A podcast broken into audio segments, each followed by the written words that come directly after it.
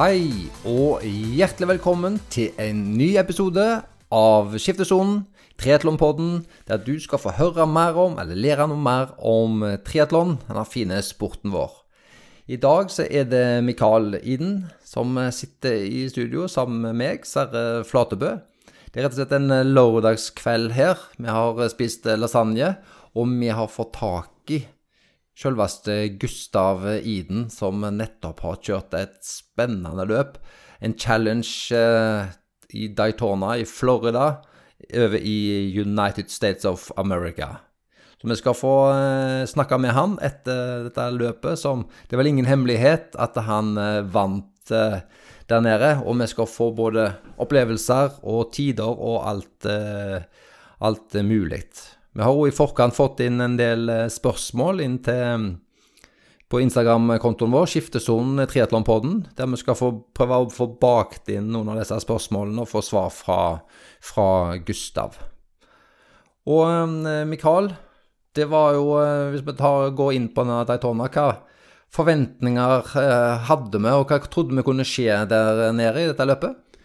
Nei, nå er vi i etterkant av løpet, så det er jo veldig lett å være supersmart og forutse alt som kommer til å skje. Men um, det er kanskje to ting som er litt viktig å ta med seg i forhold til dette løpet her. Og det er at det er en svømmesykkel- og løpekonkurranse. Det er ikke en sykkelkonkurranse eller svøm eller bare løp. Det er alle grenene skal gjennomføres, og det er snittfarten på alt som, er, som avgjør hvem som vinner. Og så er syklingen i denne løypen her helt noe annet enn i alle andre løp noen gang. Det er null pause. Uh, stopper du, så faller du gjennom. Uh, du er nødt til å bare sitte i tempobøylet, og du får ikke flyttet på deg i disse uh, 1 time og 40, 1 time og 50 minuttene. Og den belastningen det gir, er og var mye større enn eh, hva ja, alle hadde egentlig forutsett.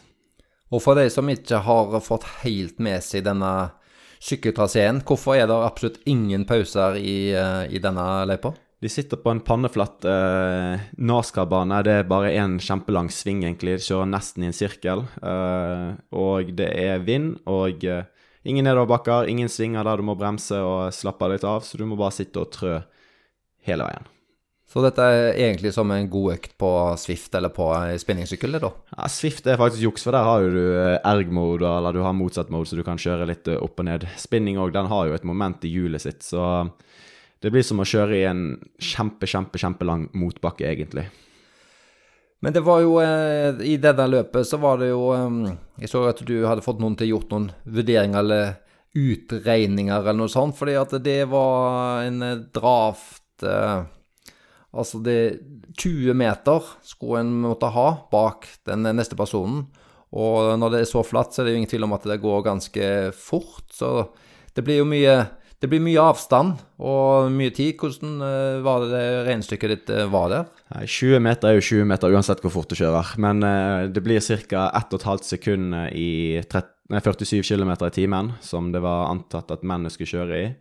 Uh, og uh, da får du vel plass til var det 40 syklister inn for, uh, for ett minutt, og det er jo 800 meter òg. Det er jo ganske enkel matematikk. Så det blir ganske store avstander, men sånn forhold til tid så er du ikke sånn fryktelig langt bak, selv om, selv om du er mange meter bak, da. Men det er jo krevende, fordi det, vel, det er vel noen regler med så lang tid en kan bruke på en forbisykling. Og ble den da økt i forhold av en typisk f.eks. Ironman, der de sykler 10 eller 12 meter bak hverandre? Har de bedre tid til å sykle forbi her? De fikk bedre tid. Jeg husker ikke nøyaktig hva de har på en Ironman, men her er det hvis du kommer inn for draftboksen, altså det er tre meter ut og 20 meter frem, så har du 45 sekunder på å passere da, den rytteren foran deg. Men lå, de, lå det f.eks. ti ryttere på 20 meters avstand, og du kom inn der, så måtte du passere da alle. Så da må du passere hele, hele gjengen, og så kan du ikke legge deg inn imellom. Hadde det vært noen som ga litt avstand, så kunne du lagt deg inn da imellom disse, disse rytterne. Han eh, Gustav eh, forteller jo um, i intervjuet at han var alene, men at Christian Blumenfeldt skulle jo vært med, men har fått en, en skade i en legg. han ja, Gustav forteller det, som sagt. Men er det som jeg lurte på å spørre deg om det Hvis du tenker deg Gustav og Christian i kall et normalslag, hvordan ville denne banen og denne type distanse og sånt eh, vært i deres styrkeforhold seg imellom? Det er vanskelig å si med, med Christian. Han er litt sånn som uh, Alistair. Han er jo Han liker å leve løpet og, og være med der det skjer. Eh, syklingen hans ville jo vært den store, store X-faktoren her. Han trør jo mer i absolutt vatt enn hva Gustav gjør. Han er jo helt på høyde med de beste syklistene. Men eh, jeg tviler nok litt på aerodynamikken hans. Den er nok eh, ikke på topp. Eh, han tok egentlig bare med seg sykkel og dro til Bahrain for å forberede seg der, og har ikke, har ikke gjort noen nye liksom, eh, kalkuleringer i forhold til aerodynamikk. Og eh, sånn som vi så, det var mange som eh, fikk problemer. Til og med Gustav sleit jo med beina etter den syklingen, og jeg tror Christian hadde fått større problemer enn enn Gustav forhold til beina, men han hadde jo vært en av, eh, en av få som hadde klart å holde følge på løpet, hadde ikke vært for at han eventuelt hadde fått problemer med beina, han òg. Og da eh, har vi jo en, eh, en annen nå som Kasper Stornes, som er på landslaget og har jo vært på, på høyde med. og Nede i Bahrain eh, så har de jo kjørt 70,3-distansen med Kasper med gode resultater. og eh, Hva er grunnen til at eh, Kasper ikke er i, i, i dette løpet? Nei, han hadde nok, fikk nok ikke en, et wildcard, så han har jo kjørt en eh, 70,3 tidligere. Han kjørt, eller to stykk. Han kjørte i Bahrain i fjor og i forfjor. Og der er jo han et stykke bak Christian, selv om det, han leverer på ekstremt høyt nivå i forhold til alle, alle andre. Så, så er han litt bak Christian, og han er litt bak eh, Gustav. Og så er jo ikke han kalle den verdensstjernen på ITU-sirkuset som gjør at han kanskje vil få den invitasjonen. da. Men eh, jeg tror kanskje han hadde vært litt eh, mer interessant i den sykkelløypen der, selv om han Han trør nok kanskje rundt samme vatt som Gustav, og så er han flink til å sitte pent på sykkel, ganske aerodynamisk, og han liker å gå litt i, det, i detaljer der. Ikke det at Gustav ikke liker det. Eh, så jeg tror nok han kunne sortere ganske greit aerodynamisk. Han hadde absolutt lagt ned arbeidet i forhold til forhold til å ha sittet godt på sykkelen eh, og gjort eh, jobben. Men han er jo òg uansett ute med en skade, så han hadde jo mest sannsynlig aldri kommet til start, han heller. Så det blir jo det blir masse spekulasjoner i denne, denne episoden her. Men når, når Kristian ikke kan være med, og Gustav reiser ned alene, det, så stor var lysten din til eventuelt å være med som coach eller eh, mental støtte, eller bare kompis og, og bror? Nei, jeg fikk tilbudet ganske tidlig, eh, eller spurt om de, eh, av de om jeg skulle eller kunne være med de på, på tur bort. Men da var det disse karantenereglene som eh, gjorde at eh, det kanskje ikke var eh, så gunstig med å være ti dager i karantene når jeg kom hjem. Hadde løpet vært seinere, så kunne jeg tatt de i ferien. Men jeg, jeg må jo jobbe, dessverre, sånn som alle andre voksne mennesker her i verden. Så da så jeg på det som, som litt uh, ugunstig, og valgte da nei. Uh, og tenkte sånn jeg litt at de ikke vinner, for da er det litt, litt bedre å ikke være der borte. Ehm, men så så jeg liksom Christian han droppet jo å være med, og så så jeg øktene til Gustav og tenkte oi shit, han kan jo faktisk vinne. Så da sa jeg ok, hvis eh, det fikser seg nå, så er jeg med allikevel. Men det var for seint å fikse noe med det. Men det går jo helt fint å være alene, det viser jo seg. Men det er jo alltid kjekkere å være to hvis et eller annet skulle skje, da. Jeg eh, du, du mente jo sikkert ikke det du sa det at du håpte han ikke vant, da, siden du ikke var med. Men det tar oss jo over til, til NIS. Eh, jeg vil spørre deg om eh, Går det an å veie disse to løpene opp mot hverandre? Og tror du Gustav eh, eh, gjør noen følelser, eller har noen følelser omkring det? Eh, hva, hva er størst av denne Daytona-challengen der og VM i, i NIS på 70,3-distansen? selv om det blir på en måte snakket om at dette løpet her var en, en Det er jo en tittel, men det er ikke en verdensmesterskapstittel, selv om det på mange måter kunne vært det. Så vil jeg tro at NIS, som da blir på en måte det første store for Gustav sin del, og at det faktisk er en verdensmesterskapstittel, det gjør nok, eh, gjør nok den litt mer spesiell, da. Og han rater nok den høyere enn denne her. Sant? Det blir det. Da kommer man kanskje litt sånn fra intet, og da, da blir det nok dette større. Eller den NIS større enn dette her. Og da kan jeg eh, legge til den historien at nå var jo ikke du med til Daytona når Gustav vant. Han endte jo med å vinne, og i motsetning til deg så reiste jeg til NIS for å se på dette løpet. Det var så dårlig beskrevet hva dag det var når jeg så i mobilversjonen av Ironman 70,3 i NIS at jeg trodde løpet skulle gå på lørdag. Så jeg kjøpte jo en uh, returbillett med fly på søndag. Og det viste seg at uh, VM for herrer gikk på søndag. Så jeg satt og så på svømmetappen på flyplassen i NIS. Jeg kunne nesten se bort på, på svøm fra flyplassen. Og jeg så resten av, av løpet til Gustav da, på en mellomlanding i Frankfurt. Så rett før takeoff i Frankfurt mot uh, Oslo gikk han i mål, og jeg satt der og, og grein av glede og uh, og hadde en illsint flyskrekkfyr på sida av meg. Han var rasende fordi jeg satt og så, på mobilen når kapteinen hadde sagt at du skal skru han av. Så, var, så jeg var i hvert fall veldig nært å se på når han vant i NIS, og var dessverre på vei hjem, så Ja, der var jo jeg, eh, var jo jeg og så var de med i, i dagene inn mot løpet og litt etter løpet. Har laget en, en film på YouTube som går an å se, så den er jo litt, eh, litt artig behind the scenes og viser jo kanskje litt hvor eh, ikke rotekopp, Gustav men kanskje hvor lett han tar på ting litt sånn innimellom. Eh, forhold, til, eh, forhold til sykkel. da. Vi snakket ikke så mye om det forhold til denne episoden her, men eh, vi har jo, Gustav har jo vært i Bergen den siste perioden. Jeg har jo vært i, i Haugesund, og han sendte litt sånn videoer frem og tilbake i forhold til sykkelutstyr og posisjonering. Eh, så ja, Niss i fjor var en, eh, var en, gøy opplevelse, men der føler jeg jo mer på jobb enn jeg, at jeg er broren til Gustav, så det er jo Men eh, det er vanskelig å skille det i øyeblikkene av og til.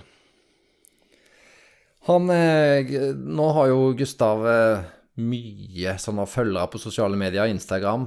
Var det snakk om kanskje over 10% av de var fra Vietnam, men eh, Thailand. Thailand. Nei, ikke Thailand heller. Det var Taiwan. Taiwan er det de Ja. Det, det var denne caps-historien som de fleste sikkert har hørt. Det, og han har fått veldig mye fans fra Taiwan. og det ja, så det, det er jo Det har mye følgere.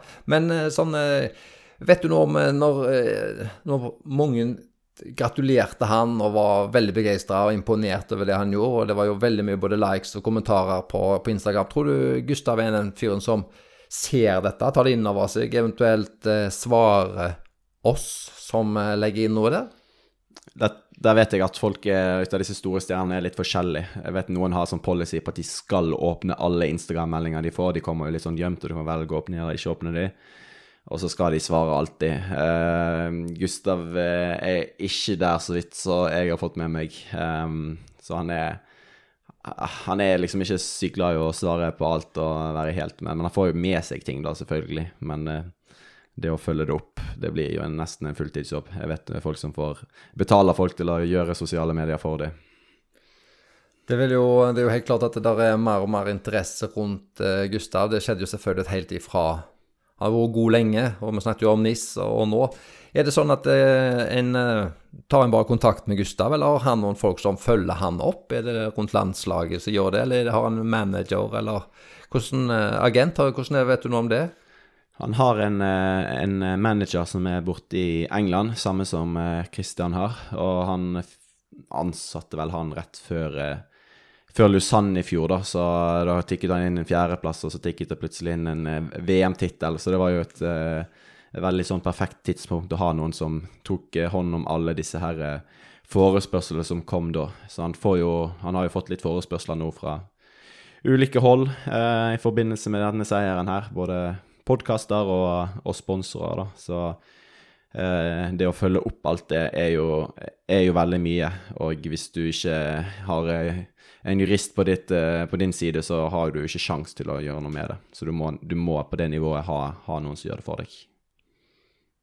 Det vil jeg eh, tro. Så det er jo veldig kjekt for oss å få, å få han med i eh, podkasten. Vi gikk en snarvei, så vi gikk ikke via agent, eh, agenten, men eh, det var via SMS-tjenesten til storebror Mikael. Så takk for hjelpen der. Og vi se om det funker i framtiden òg. Ja.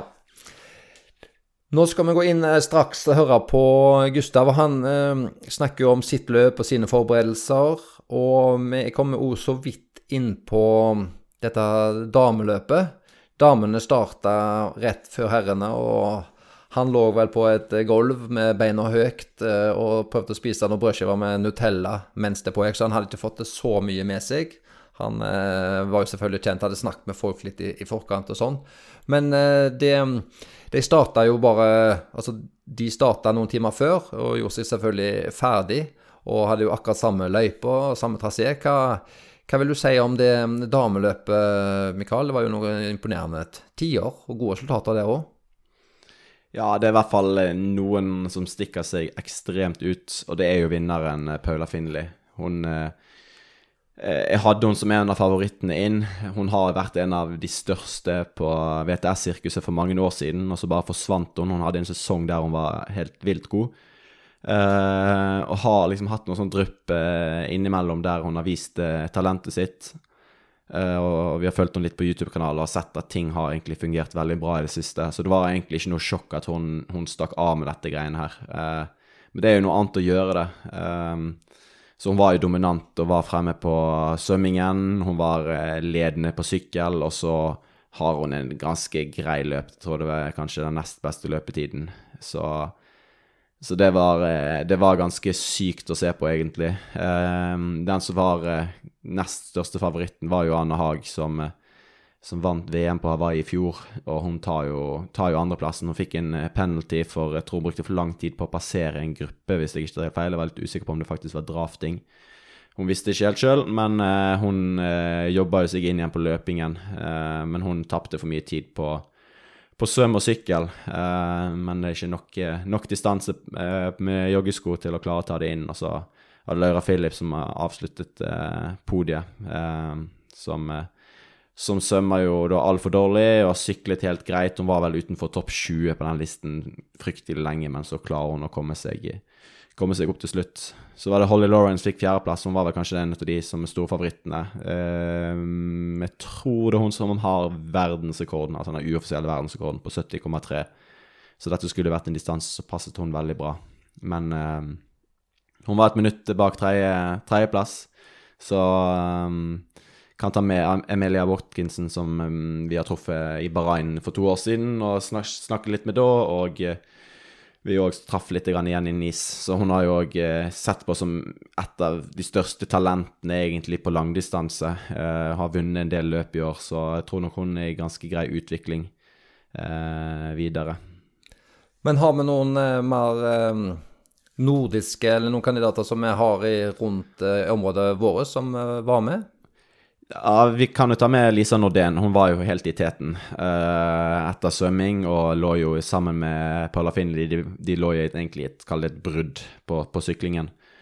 Og hun pushet bra, og uh, det så jo veldig fint ut. Men de som kjenner historikken hennes, vet jo at uh, løpingen de siste årene er jo ikke som når det var OL i London, der hun kom inn på, på andreplass, da.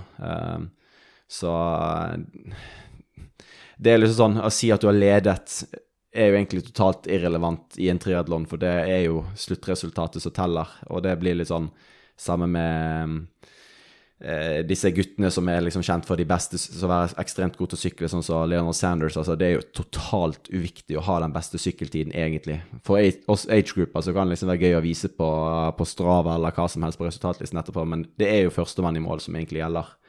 Nå fikk jo Sanders et ganske bra resultat. Eh, mens uh, Lisa Nordén var ikke sjans på å løpe etterpå, da, så hun kan jo diskutere om det var fordi hun syklet for hardt at skaden slo seg enda mer opp, eller hvordan det var, da. Men vi kan jo ta med òg Sara Svensk, da, en, som fikk en, fikk en åttendeplass for damene. Og så uh, på tiendeplass er jo kanskje hun som var en av favorittene, Nicolas Spiring. Hun har jo vant i OL. OL-gull i 2012, eh, men hun hadde en fryktelig dårlig dag på sykkel. Hun vant jo Ironman Haugesund her rett før hun rett før OL i Rio, tre-fire uker før. Men ja, hun skal ha for at hun ikke ga seg. Det, jeg tenkte at nå er hun ute av konkurransen, men hun eh, løp hele veien til mål. Så, så, det var jo fint. På herresiden så hadde vi jo noen, noen gode dansker. Daniel Bekkegård er jo kanskje den som er den største stjernen i det danske langdistansesirkuset for øyeblikket. Men han, han Hva var det han gjorde, da? Hoppet eller fikk en brist i ribbeinet, et eller annet sånt, så det på, ut på andre rundt på svøm. Uh, så han måtte jo bryte. Uh, men han var jo en som jeg hadde som en litt sånn uh, outsider til å kunne ta, ta en, en podie, faktisk.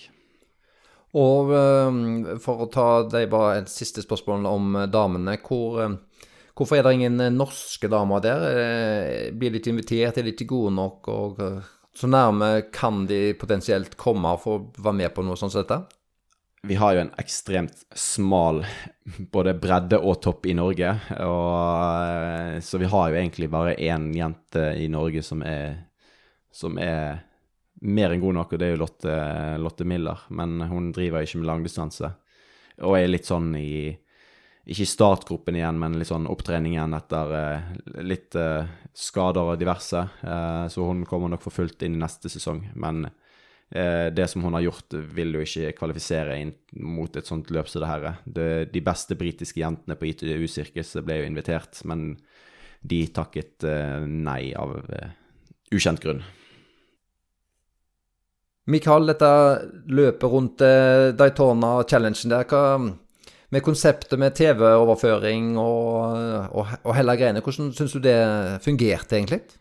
Jeg syns sendingen ble, ble, veldig bra. Det med live-resultater eh, og tid og avstand på siden, det, det, har vært savnet på tidligere løp. Eh, de skulle nok gjerne hatt et kamera som sto i ro eh, opp av vannet eller ut på sykkel. Det er noe som jeg alltid savner når jeg ser på triatlon, for det er veldig lett med å bare hoppe videre til teten, og så har man null oversikt på hva som skjer bak, selv om man kunne jo gått inn på en på sånn resultatservice, da. Men eh, løpet hadde nok ikke fungert om ikke alle de beste var med. Det, det tror jeg ikke. Eh, det er jo den effekten med at alle er de beste er der, og det kommer folk bakfra som gjør at eh, gjør at det er interessant å følge. Hadde det vært eh, de tre-fire beste, beste, med, og så hadde det vært litt sånn B-utøvere på resten, så hadde det hadde det ikke fungert på samme måten. da. Um, så det blir jo spennende å se om de klarer å få til det videre i dette konseptet.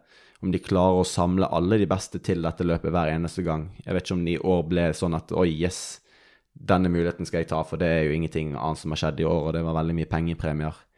Um, så det er nok en del som er der bare pga. pengepremiene, men det er òg en del som er der bare pga. at de vil konkurrere mot alle de beste.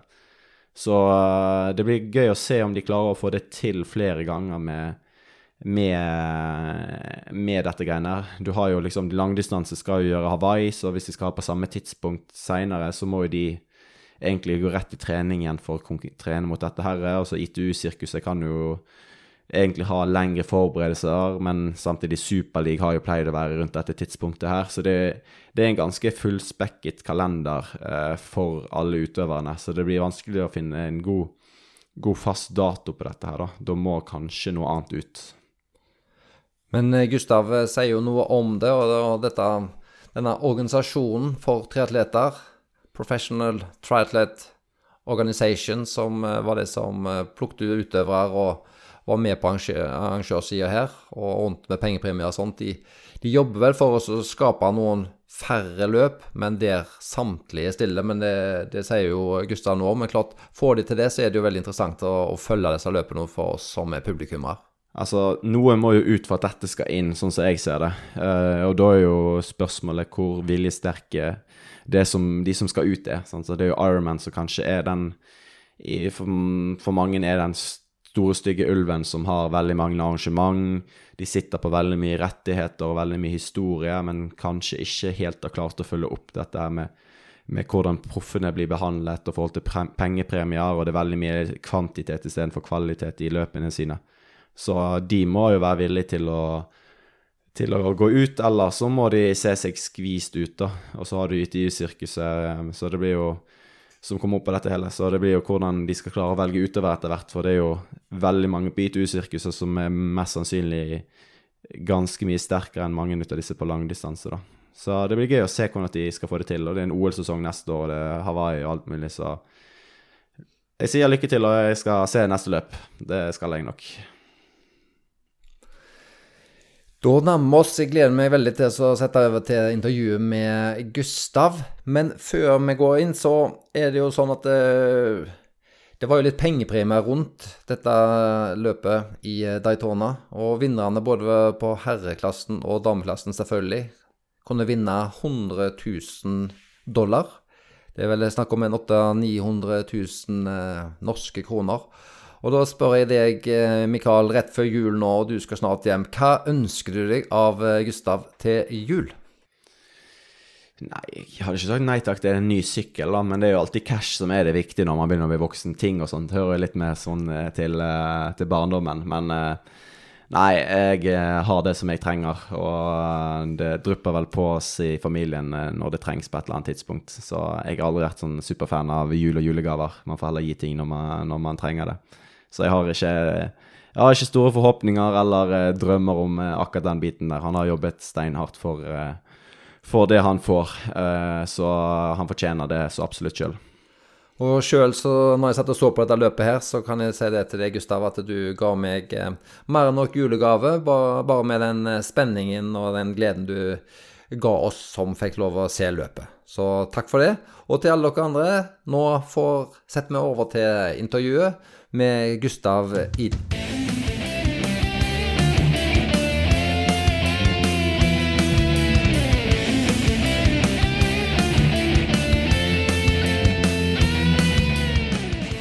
Jammen har vi ikke uh, fått tak i uh, sjølveste. Gustav uh, Iden kom inn fra sidelinja her, rett inn fra én podkast til en annen podkast, har jeg hørt rykter om. Og Gustav, du er jo her fordi jeg har lyst først å si, eller vi har lyst til å si, gratulerer med en seier i Challenge Daytona. Tusen takk for det. Tusen takk for det. Det har vært en gøy opplevelse å vinne. og ja, folk kommet ned på jorda nå. Så det var greit at du repeterte hva jeg hadde vunnet. Sånn at jeg repeterte hele Challenge Daytona, for jeg har nesten glemt løpet allerede. Så bra liksom å gratulere med Challenge Daytona. For det kunne vært så mangt å gratulere for. Det kunne det nok. Og, men du skal nok eh, få lov å rippe opp en god del i det som skjedde der. Fordi for oss som uh, satt og fulgte løpet, og for de som eventuelt bare har fått uh, i ettertid, resultatet, så er det jo Det var jo veldig spennende og veldig gøy. Og vi har ikke og, glemt det, for å si det sånn. Vi har ikke glemt det. Så vi skal Nei, høre, høre, mer om det. Og har du da Altså blir det en sånn en utladning nå, når vi nå eh, i en liten uke etter du eh, vant, skal høre om det? Er du utlada og tom, eller hvordan har, eh, hvordan har det vært etterpå? Det har faktisk gått ganske greit etterpå. Men jeg kan kanskje begynne litt tidligere. da. Allerede på konkurransedagen så var jeg ganske dårlig i magen. Jeg liksom satt meg på hotellrommet. Og jeg, jeg, kjente ingen glede da på kvelden. Det var skikkelig rart. Jeg var liksom der aleine på hotellrommet, følte meg ikke så bra. Og hadde ingen glede i kroppen. Jeg bare kjente meg OK. Det var ekstremt spesielt, liksom. Jeg har nettopp vunnet det største du kan vinne i 2020 jeg burde vært glad. Og jeg var liksom sånn Dette her var veldig spesielt. Men så dagen etterpå så kom liksom mer inn i kroppen, og da kjente jeg virkelig på gleden. Og så siden da så har jeg eh, surfet på en gledesbølge siden. Det vil jeg tro. Og for deg som eh, som jeg sa, jeg tror nok veldig mange har fått med seg dette her, eh, Gustav. Men for de som ikke har fått det helt med seg, så var jo du nede i Florida, i Daytona, og kjørte en challenge. Og den challengen det er vel en konkurrent til Ironman, så det er mye det samme. Men dette var da et, en triatlon som besto av to uh, svøm, 80 km sykkel og 18 km løp. Og det som jeg òg føler at vi skylder lytterne våre, det er å fortelle dem at du faktisk talt svømte de to kilometerne på 24 minutter. Du sykla 80 km med et, en snittfart på 47,5 km i timen i snitt. Og hvis en eh, ikke har regnet helt feil For det, du ble jo, du ble jo klokka inn i noen miles der, men eh, kan det stemme at det var et, et snittempo på 3.13 på de 18 km du løp? Ja, jeg tror 3.13 er det jeg har på Strava, så får vi stole på den. Ja, så, så det Ja, det er bra oppsummert. Uh, så for å gå litt mer i detalj, så kan jeg si at uh, syklingen var helt flat. Men blant det hardeste jeg noensinne har gjort. Det var helt ubeskrivelig hardt, den syklingen. Så selv om det var 80 km og det gikk 47,5 km i timen, så var det ekstremt hardt. Jeg eh, tenker at vi skal faktisk komme tilbake til en del detaljer og følelser eh, og tanker eh, underveis. Og sikkert noe vatt og, og sånn òg. Men jeg har jo litt lyst til å ta oss altså Det er jo en spennende tur i, i seg sjøl å få være med på Challenge Daytona og bli invitert med. Og forberedelser til det. Og Det tenker jeg I denne annerledes sesongen som du sjøl nettopp eh, beskrev, dette var det, kanskje det største å vinne i 2020. Men eh, hva var egentlig det siste du gjorde i denne sesongen før Daytona? Hva var det siste konkurranse? Når var du konkurrerte sist? Uh, det var uh, ikke så mange uker siden en verdenscup i Valencia. Jeg gjorde det helt OK, men eh, skuffet meg sjøl på både svøm og løp.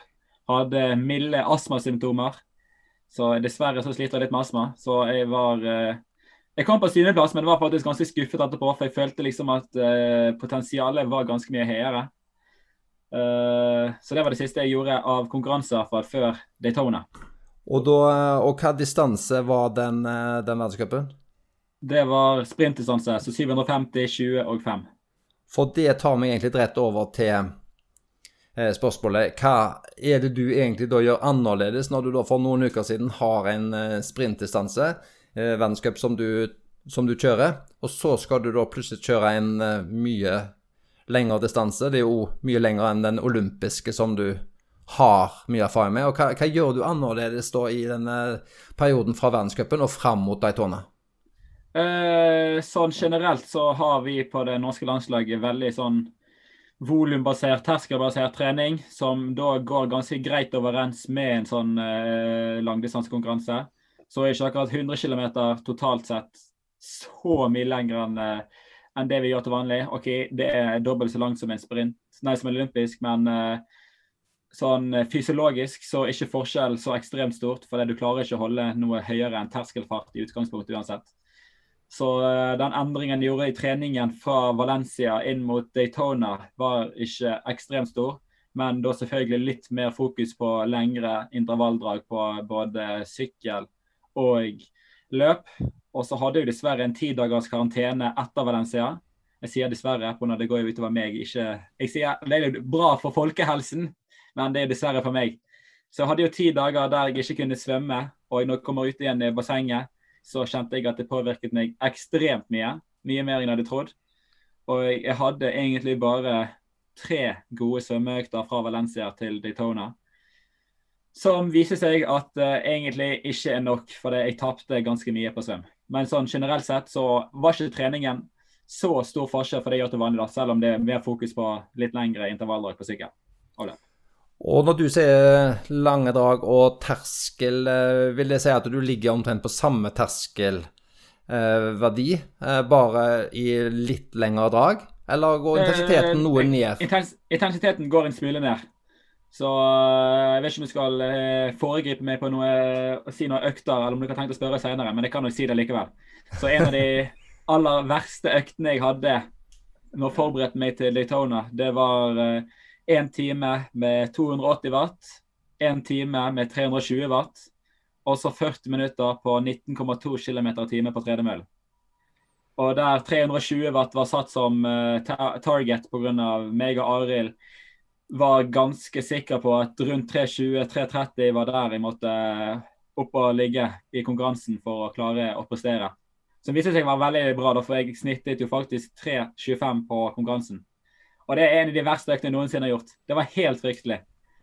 Så det er bare til ut og prøve der ute med en time på en halvhard intensitet, og så en time rett under terskel, og så en time på terskelløp. Nei, 40 minutter på terskelløp.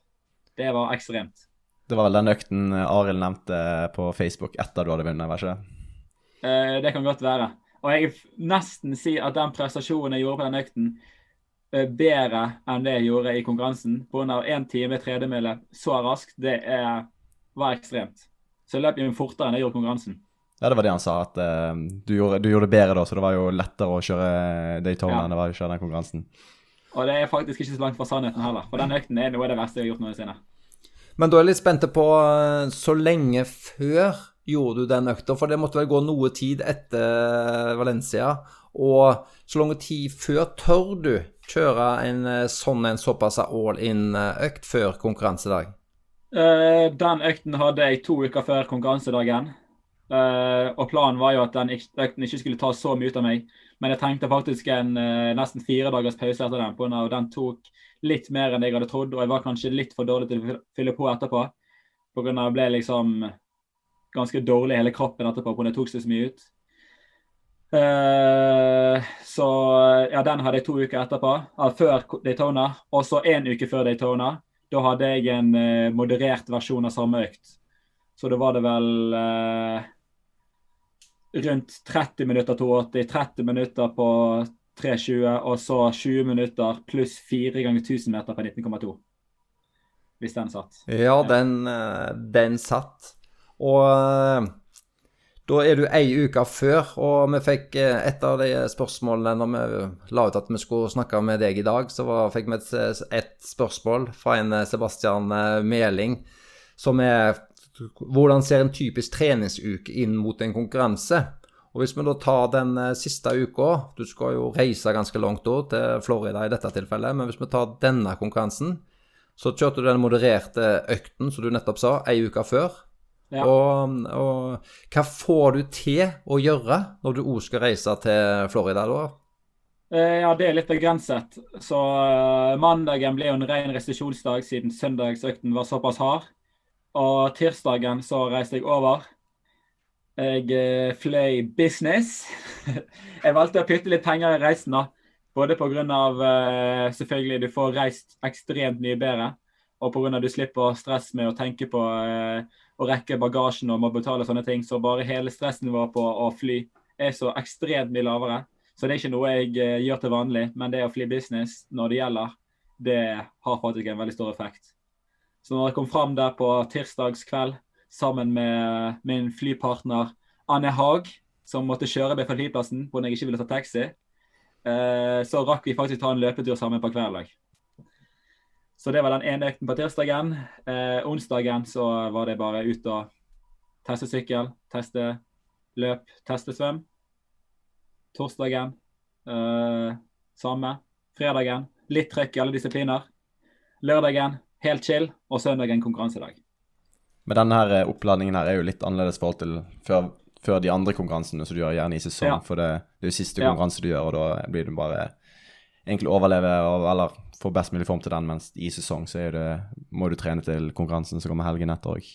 Ja, helt sant. Så nå hadde jeg på en måte ja, nesten begynt sesongpausen før konkurransen begynte, så kunne jeg bare toppe maksimalt og ikke tenke på at jeg skulle være i form til noe senere.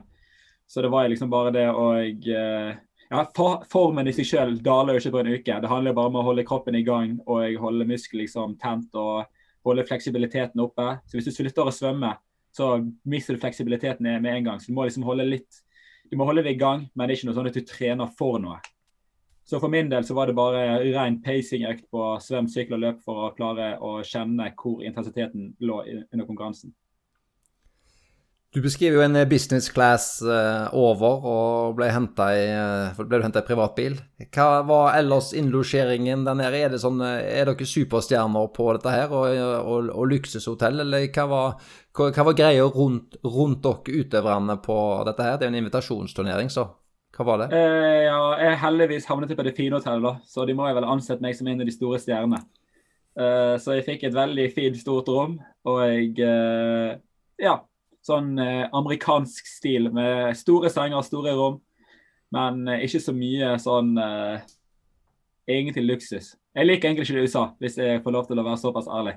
Men eh, det var da fint å bo der i hvert fall. Og jeg blir tatt godt vare på av de som eh, er i teamet der rundt konkurransen. Men vil det si at var, du, eh, var du alene, du? Eller var det noe som hjalp deg og, og sånn? Ja, jeg skulle egentlig reise bort med Christian Blummenfelt, men han eh, klarte selvfølgelig å skade seg sjøl. Eh, så han har skadet lenge. Jeg hadde jo håpet at han skulle klare å uh, bli klar til løpet, men et par uker før så sa han ifra at han ikke at det ikke var mulig han for å bli klar til løpet. Og da håpte jeg på å få Mikael med. Men uh, det var for seint med å fikse visum med sånne ting. Så det er ganske strengt med å ta koronatester og attester og masse forskjellige greier for å komme inn der nå. For det er egentlig ikke mulig å reise inn der uten å sitte i karantene i to uker.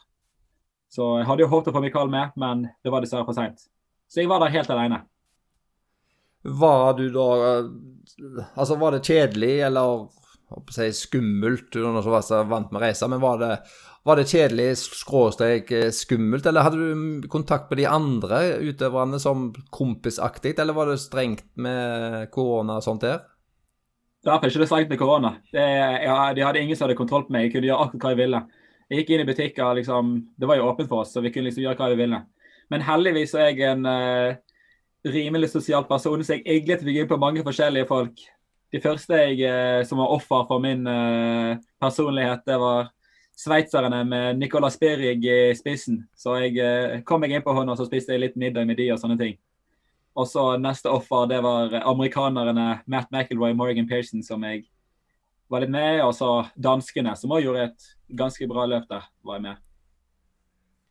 Jeg eh, syns jo det er litt gøy at du, du bruker det uttrykket at du At du preste deg på, eller var liksom, at, det, at, det, var du som var den fæle. Men uh, sett i ettertid så er det vel deg som setter hjemme sånn starstruck og kommer hjem og forteller at det, Tror du ikke at jeg fikk satt og, satt og spiste sammen med Vinda Gustav Widen?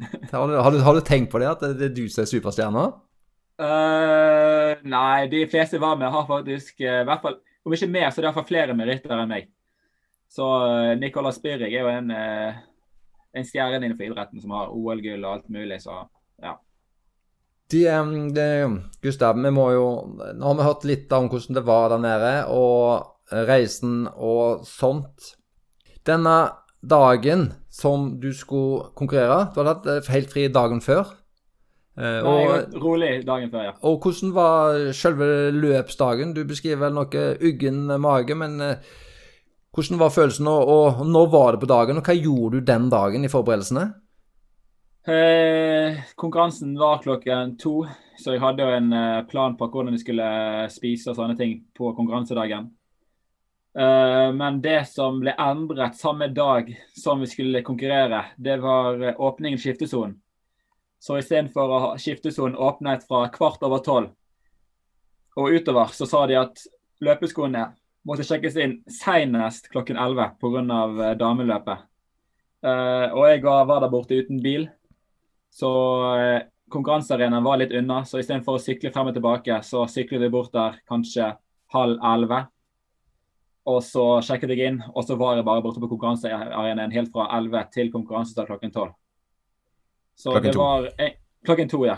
Um, så det var litt uh, Jeg vet ikke. Det var litt sånn kjipt sted å være. Bare ligge på et uh, konferansegulv med en stol og så spise mitt siste måltid, som var uh, ja, jeg vet ikke, noen skiver med Nutella. Jeg vet ikke hvor mange skiver, men uh, en del skiver med Nutella.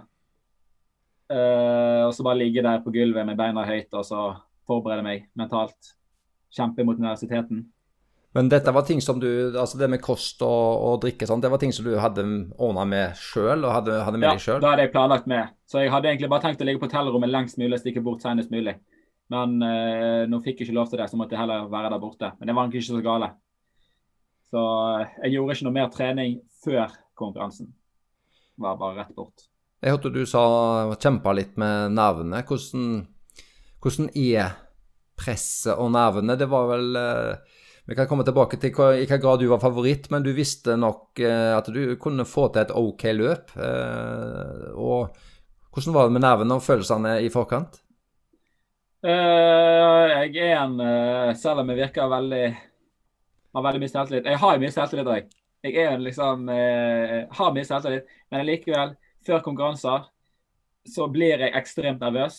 Og jeg tror jeg ikke har noe med selvtilliten å gjøre. Jeg tror det har noe bare med eh, at jeg vet jeg har en mulighet til å vinne. At liksom i kroppen min så er det mulighet til å vinne. Men jeg må liksom finne den muligheten. At jeg må ta liksom valg for å komme fram til seieren. Så det er egentlig verre jo bedre form jeg er i da liksom vet jeg at jeg har sjanse til å vinne. Og hvis jeg ikke vinner nå, så er det bare pga. at jeg gjør noe dumt. At jeg velger å liksom svømme rar linje eller gjøre noe feil i skiftesonen. At det er det som stopper meg fra å vinne. Og jeg tror det er det som gjør meg, meg så nervøs òg. At jeg vet liksom OK, du har mulighet til å vinne. Og eneste grunnen til at du ikke vinner nå, det er deg sjøl og dine tanker. Og det, det presset på hodet mitt, det takler jeg ikke alltid, så da blir jeg litt nervøs. Og jeg ender som oftest opp med å spy. Uh, jeg gjorde det denne gangen òg, men denne gangen så spydde jeg ganske lenge før konkurranse starta. Og siden jeg er veldig vant med å spy på når jeg er så nervøs, så har jeg funnet teknikker bare for å akseptere det. Så jeg blir liksom ikke like stresset over at jeg kommer til å bli nervøs nå. Nå er det bare sånn OK, jeg er nervøs, det går fint. Og så har jeg alltid blandet sportsdrikk. Jeg har eh, masse eh, vann til etter jeg har spydd, og eh, en tannkost, f.eks. Sånn at eh, etter jeg har spydd, så bare får jeg alt ut. Får slappe litt av i noen minutter, og så bare fyller jeg på igjen med ny, fersk energi. Og så tar jeg en tannpuss. Jeg vet at spy er veldig lite bra for tennene. Det er ikke sporstrikken heller, men eh, ja. Hvem følte du var favoritter inn i løpet, og um, sånn utenom deg sjøl? Hva, hva hadde du gjort av analyse i forhold til eh, kon kon konkurransen?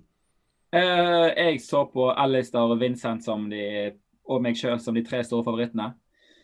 Ellie pga. han har vært sinnssykt rå.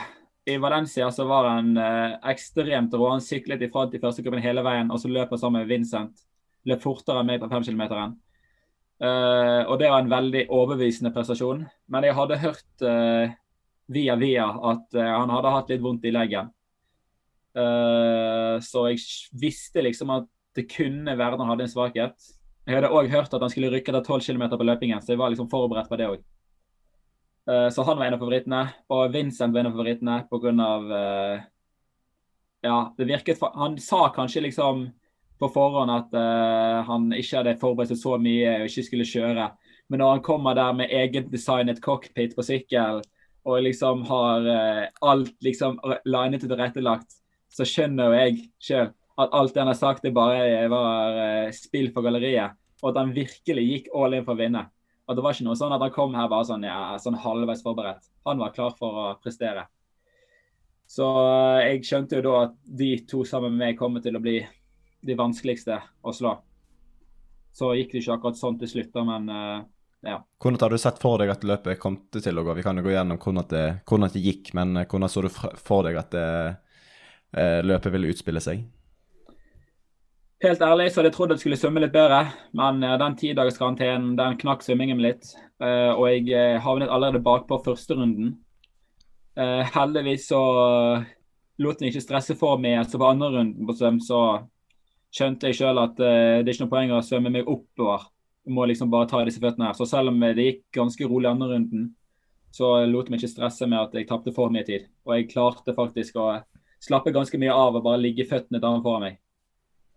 Og så kom jeg opp på vannet og hørte at det var sånn 1,20 bak, tror jeg noen sa. Tenkte jeg at eh, det var overkommelig. Uh, begynte å sykle. Blir passert i en voldsom fart av flere utøvere. Og Det var egentlig først da jeg begynte å bli litt stresset på at uh, kanskje det jeg hadde tenkt å gjøre, ikke kom til å holde.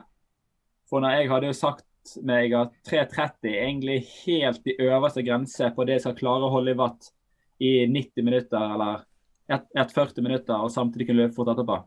Og når folk passerer meg, og jeg ligger på 3,50, og de kommer i en vill fart forbi meg, og jeg prøver å øke til 3,70, og de fortsatt seiler ifra, da tenkte jeg at uh, nå er det meg og Arild og teamet som har gjort en kanonfeil her. For dette her holder ikke i det hele tatt. Men jeg, i hvert fall, jeg holdt på mitt, og så tenkte jeg at jeg uansett ikke kunne pushe hardere. på Det hjelper ikke å sikre meg opp i første gruppen, og så falle totalt igjennom. Det er det bedre å bare kjøre som planlagt og se hvordan det går. Uh, så klarer jeg sånn cirka halvveis å regne meg fram til hvor langt det er fram til førstegruppen. med å se på kamerabiler som følger førstegruppen, tenker jeg at uh, Jeg taper nå for ikke noe tid. Så du, så du, litt drafting og sånt? Det var jo snakk om det mye i etterkant. Nei, jeg men, så eh, ingenting. De var jo ett minutt foran, og ett minutt på den farten her, det er jo langt. 800 meter. Jeg, jeg, ja, det er, det er langt. Så jeg klarte ikke å se det. Og så eneste mitt fokus var jo min egen vatt, altså min egen, uh, min egen posisjon. Så jeg så ikke så mye fremover. Og i tillegg så eh, lå jeg liksom uh, på draftinggrensen til uh, tysker Fredrik Funk. Så jeg måtte liksom følge med på han, så at jeg ikke kom innenfor draftsonen hans òg. Kjedet du deg på noe tidspunkt? Det er jo sånn når vi skal kjøre langdistanse. Liksom, følte du deg bra hele tiden, eller var det bare sånn grei skuring? Eh, jeg kjedet meg på løp. Da var det sånn periode der jeg bare sånn Å, herregud, kan ikke bare komme til mål? Jeg var sånn, Hvorfor jeg gidde å løpe til mål? Jeg er bare til å bli ferdig. Jeg gidder ikke dette her. Men på sykkel så var det ikke noe kjedelig, egentlig. Jeg var såpass uh, spent på, uh, på, situasjonen. Da var liksom Jeg følte sjøl at det var veldig åpent, og det liksom ingenting var klart. Så da kjedet meg ikke. Uh, ja. Jeg bare lurte på, Du sa at du så denne kamerabilen, og sånn, men var det noe som helst sekundering eller noe sånt på, på noe som helst vis? Uh, nei, det var ingenting. Det eneste som var, det var en svær skjerm som fortalte hva runde det var på. Og den rundetelleren, da kunne du se de fire utøverne foran deg og én utøveren bak deg. Uh, så hver gang jeg passerte den, så prøvde jeg å se på tavlen og så se hva navn som var foran meg og hva navn som var bak meg, for å se liksom for Jeg skjønte jo hvem som var i førstegruppen, og hvem som uh, ikke hørte hjemme der. Så når jeg f.eks. så Gomez sitt navn på tavlen, og han var utøveren som var to nummer foran meg rundt passering, da skjønte jeg at uh, førstegruppen falt sammen, og jeg var på vei oppover. Så det ga meg litt selvtillit. Men du nevnte så vidt den At du hadde spist med de, danske, eller de danske hadde gjort det godt. Uh, vi som satt og så på, så var det en danske som lå en ung danske som uh, plutselig lå uh, veldig høyt på snitt. Han lå liksom på topp én uh, og to hele veien. Så den heter Magnus Elbeck Ditlev. Og han lå et stykke bak deg, og så kom han og tok deg igjen. Og da tenkte jeg at han dansken kommer helt sikkert Gustav til å ja, ikke henge seg på, det var jo ikke drafting, men legger du merke til f.eks. han som du kanskje kjente litt til, han er nordisk, sykler godt, og når han dro på Uh, la du merke til at han passerte, og er du inne på tanken på å, å følge selvfølgelig bak de 20-meterne? Uh, ja, jeg la selvfølgelig merke til den. Og jeg, eh, jeg, jeg, tenkte liksom på å prøve å passere. Men uh, jeg vurderte det som usmart å henge på. Først og fremst pga. jeg hadde 20 meter opp til ja, han som jeg nevnte, Fredrik Funk, som jeg vet egentlig er en ganske sterk syklist. Så jeg visste liksom at uh, vi sykler faktisk ikke så sakte. Det er de andre som pusher for hardt. Uh, så jeg tenkte Jeg hadde liksom, jeg vurderte å prøve liksom å henge på, men jeg hadde egentlig ikke sjans med tanke på eh, mine oppsatte wattmål på forhånd. Og det er ikke sånn at du plutselig blir sykt mye bedre på konkurransedagen bare pga. folk passerer deg på sykkel. Du må liksom klare å å tenke sjøl. Han eh, hadde nok eh, Han ble nok litt reven med, han eh, godeste Magnus Ditlev. fordi at det var ikke lenge etterpå at han, han leda. Han leda jo noen Jeg syns litt synd på han, pga. alle som gikk inn i løpet, hadde skrevet at han var helt klart sykkelfavoritten. Og at han liksom kommer til å sykle seg opp, og at han liksom er en sykkelgud og sånne ting. Så jeg syns litt synd på han, på jeg skjønner jo at han er ganske ny i gamet. Han er liksom litt, sikkert litt usikker. Og jeg tror han bare levde seg inn i den rollen som en Uber-syklist. Så han gjorde det pga. han var forventet at han skulle gjøre det. Og Han skjønte jo selvfølgelig sjøl at det ikke er smart av han å sykle så sinnssykt hardt og fort. Men allikevel, når folk liksom sier at ja, han kommer til å sykle fort, så måte lever du inn i den rollen sjøl, og så ender du opp med å gjøre det selv om du vet at det egentlig ikke er det smarteste å gjøre. Han har jo lagt ut vatten sin på Instagram eller Instastory, og første timen, første 50 km, hva var det, 392 watt eller noe sånt som det? Ja, det er jo bare helt jo, sinnssykt. Det er helt ekstremt. Ja. Men han er jo en ganske stor syklist, da, ja. men allikevel, det er helt sinnssykt. Men han, han er jo ung, men jeg, jeg, lurer på om at de sa at han kom på femteplass i fjor? Du kan, kan ikke si noe om løpet i fjor, for det var jo Nei. Ja. Okay. I fjor var det løpet på ganske mye dårligere nivå på, i tillegg så var det kortere, så det var ikke helt det samme. Da har vi hørt sånn eh, noenlunde hva du kjørte på, eh, Gustav. Eh, Allan Hovda har stilt inn et spørsmål, og det er hva ble snittvann på sykkeletappen din? Kan du si det? Uh, jeg har den ute på Strava. Jeg tror det ble 325 eller noe sånt. Jeg kan sjekke meget kvikt mens jeg sitter her og ser på. Så jeg det, har logget alt. Da vil det si at det var egentlig spot on, det som du og og Arild hadde lagt en plan om å være. Ja, så jeg har snittfart på uh, Training Peaks på 328. Ja, og du hadde vel 32 første halvdel, tror jeg, og så hadde du 24 eller 26 siste halvdel, så du har kjørt superjevnt, tror jeg. ja, deg, så. så jeg har uh, kjørt eh, ganske smart og fint. Men ta oss inn i, inn i T2 og, og, ut på løpet. Hva, hva skjedde? Uh, inn i T2. Jeg eh, løper av sykkel, og så lener jeg liksom på sykkel som du gjør når du liksom løper bortover. så har jeg sånn litt trekk på sykkel. Og så henger jeg opp sykkel på eh, rekkverket, og så bøyer jeg meg ned for å ta skoene. Og da kjenner jeg liksom at krampen bak i låret begynner å liksom hogge til allerede da. Og jeg vet Jeg ligger bak. Jeg er litt usikker på hvor langt bak, men jeg, liksom, jeg må løpe fort for å klare det. Og når jeg kjenner liksom det hogger til bak Jeg må ha to forsøk for å få tak i skoene. Grunn jeg har eh, Alphaflyene, som er ekstremt raske sko. Nike Alfafly, men vanskelig å ta på seg. Så jeg måtte bruke to forsøk på av hver gang jeg bøyde meg ned, så var det sånn ah, Det rekker tilbake. Så måtte jeg gå sånn fem steg liksom, første stegene, bare for å liksom, få i gang beina. Og så begynner jeg å jogge lett ut, og så ser jeg Mr. Vincent Louis i straffeboden. To minutter, og han er nettopp kommet inn der. Så tenker jeg OK, da er i hvert fall han ute. Og begynner å jogge. Det gjør vondt bak i lårene. Jeg har liksom krampetendenser. Og så kommer jeg sånn fire minutter uti. Så ser jeg på klokken. Løper jeg 3.05. Og det kjennes helt greit ut. Jeg begynner å ta innpå allerede.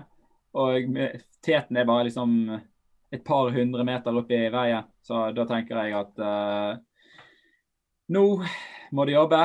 Uh, seieren er faktisk innenfor rekkevidde. Så det er liksom bare til å uh, jobbe ekstremt på. Jeg var, liksom, jeg var, klar for å grave sinnssykt dypt. da. Og så heldigvis så tar jeg igjen uh, da, som står og tøyer leggen etter en runde. En halv runde etterpå så tar jeg igjen eller jeg tar igjen 30 sekunder på lederne på sånn to kilometer. Og så tar jeg ett minutt på fem kilometer, og så siste runden så jogger jeg til mål. Så ja. Men det med Alistair der, altså er du, er du såpass oppmerksom at du, du ser når du passerer han? Du har kontroll ja, ja. på at det er han? Ja, jeg får med meg alt. Ja, så du, Vincent O fikk du med. Vincent O fikk du med når du passerte han? Det var ikke etterpå du Ja. ja. Nei. Så jeg fikk med meg alle. Og jeg, når jeg løper forbi folk, så ser jeg hvem det er, og hva jeg har mine tanker på hvordan de løper. Så jeg fikk Jeg hadde veldig god kontroll på løpingen. Da fikk jeg med meg alt, egentlig. Men denne passeringen, eh, når du gikk opp i tet, så var det jo en frontduo som Ja. løp.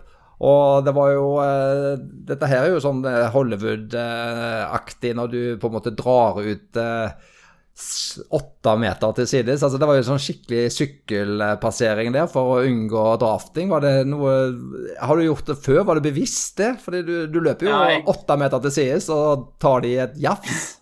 Det var et veldig langt strekke, så det strekket der er sikkert et kilometer langt. Så det de tapte på å liksom, legge deg ut på siden, det er liksom Det er ingen effekt på, uh, på meterantallet. Og jeg ville ikke ha det i ryggen pga. Jeg orket ikke at de skulle liksom ligge og prøve å henge på meg og så slippe litt etterpå. Der måtte jeg liksom jobbe for å la de miste ryggen min. Så jeg ville bare holde mitt jevne tempo uten å tenke på noen andre enn meg sjøl. Så jeg eh, løp meg opp på siden bare og så satset på at de skjøng på. Og så i drikkestasjonen sånn to minutter etterpå så så jeg sånn halvveis bak meg, og så så at de var av. Og da visste jeg at eh, hvis jeg bare holder et greit tempo inn til mål, så var seieren min. Men når skjønte du at dette kom til å gå veien? Du hadde jo en eh, krampetendens som da heldigvis slapp, eller du kjente ikke noe mer til den. Altså, hadde, du, hadde du kontroll på kroppen? Var du ganske sikker på at ikke det kom til å dukke opp noe type krampe og vondter? Og, og når skjønte du at det gikk veien? Uh, ja, og så uh, ca. to minutter etter det igjen, så uh, fikk jeg plutselig sånn nesten sånn tomhetsfølelse i meg.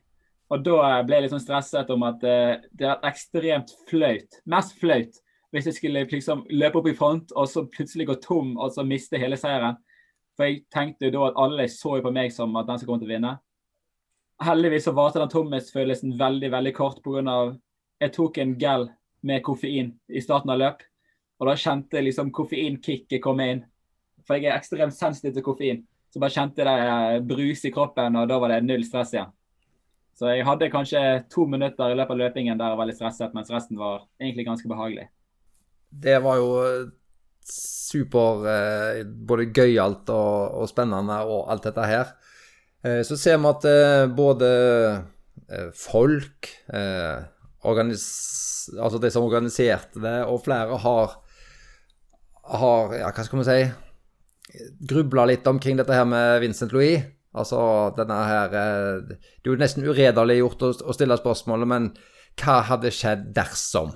Eh, og eh, det, det endte jo altså Han fikk to minutter tidsstraff og kom 2.15 bak deg. Og vi vet jo at både Kristian og du har jo hatt noen skikkelig løpefighter med han før.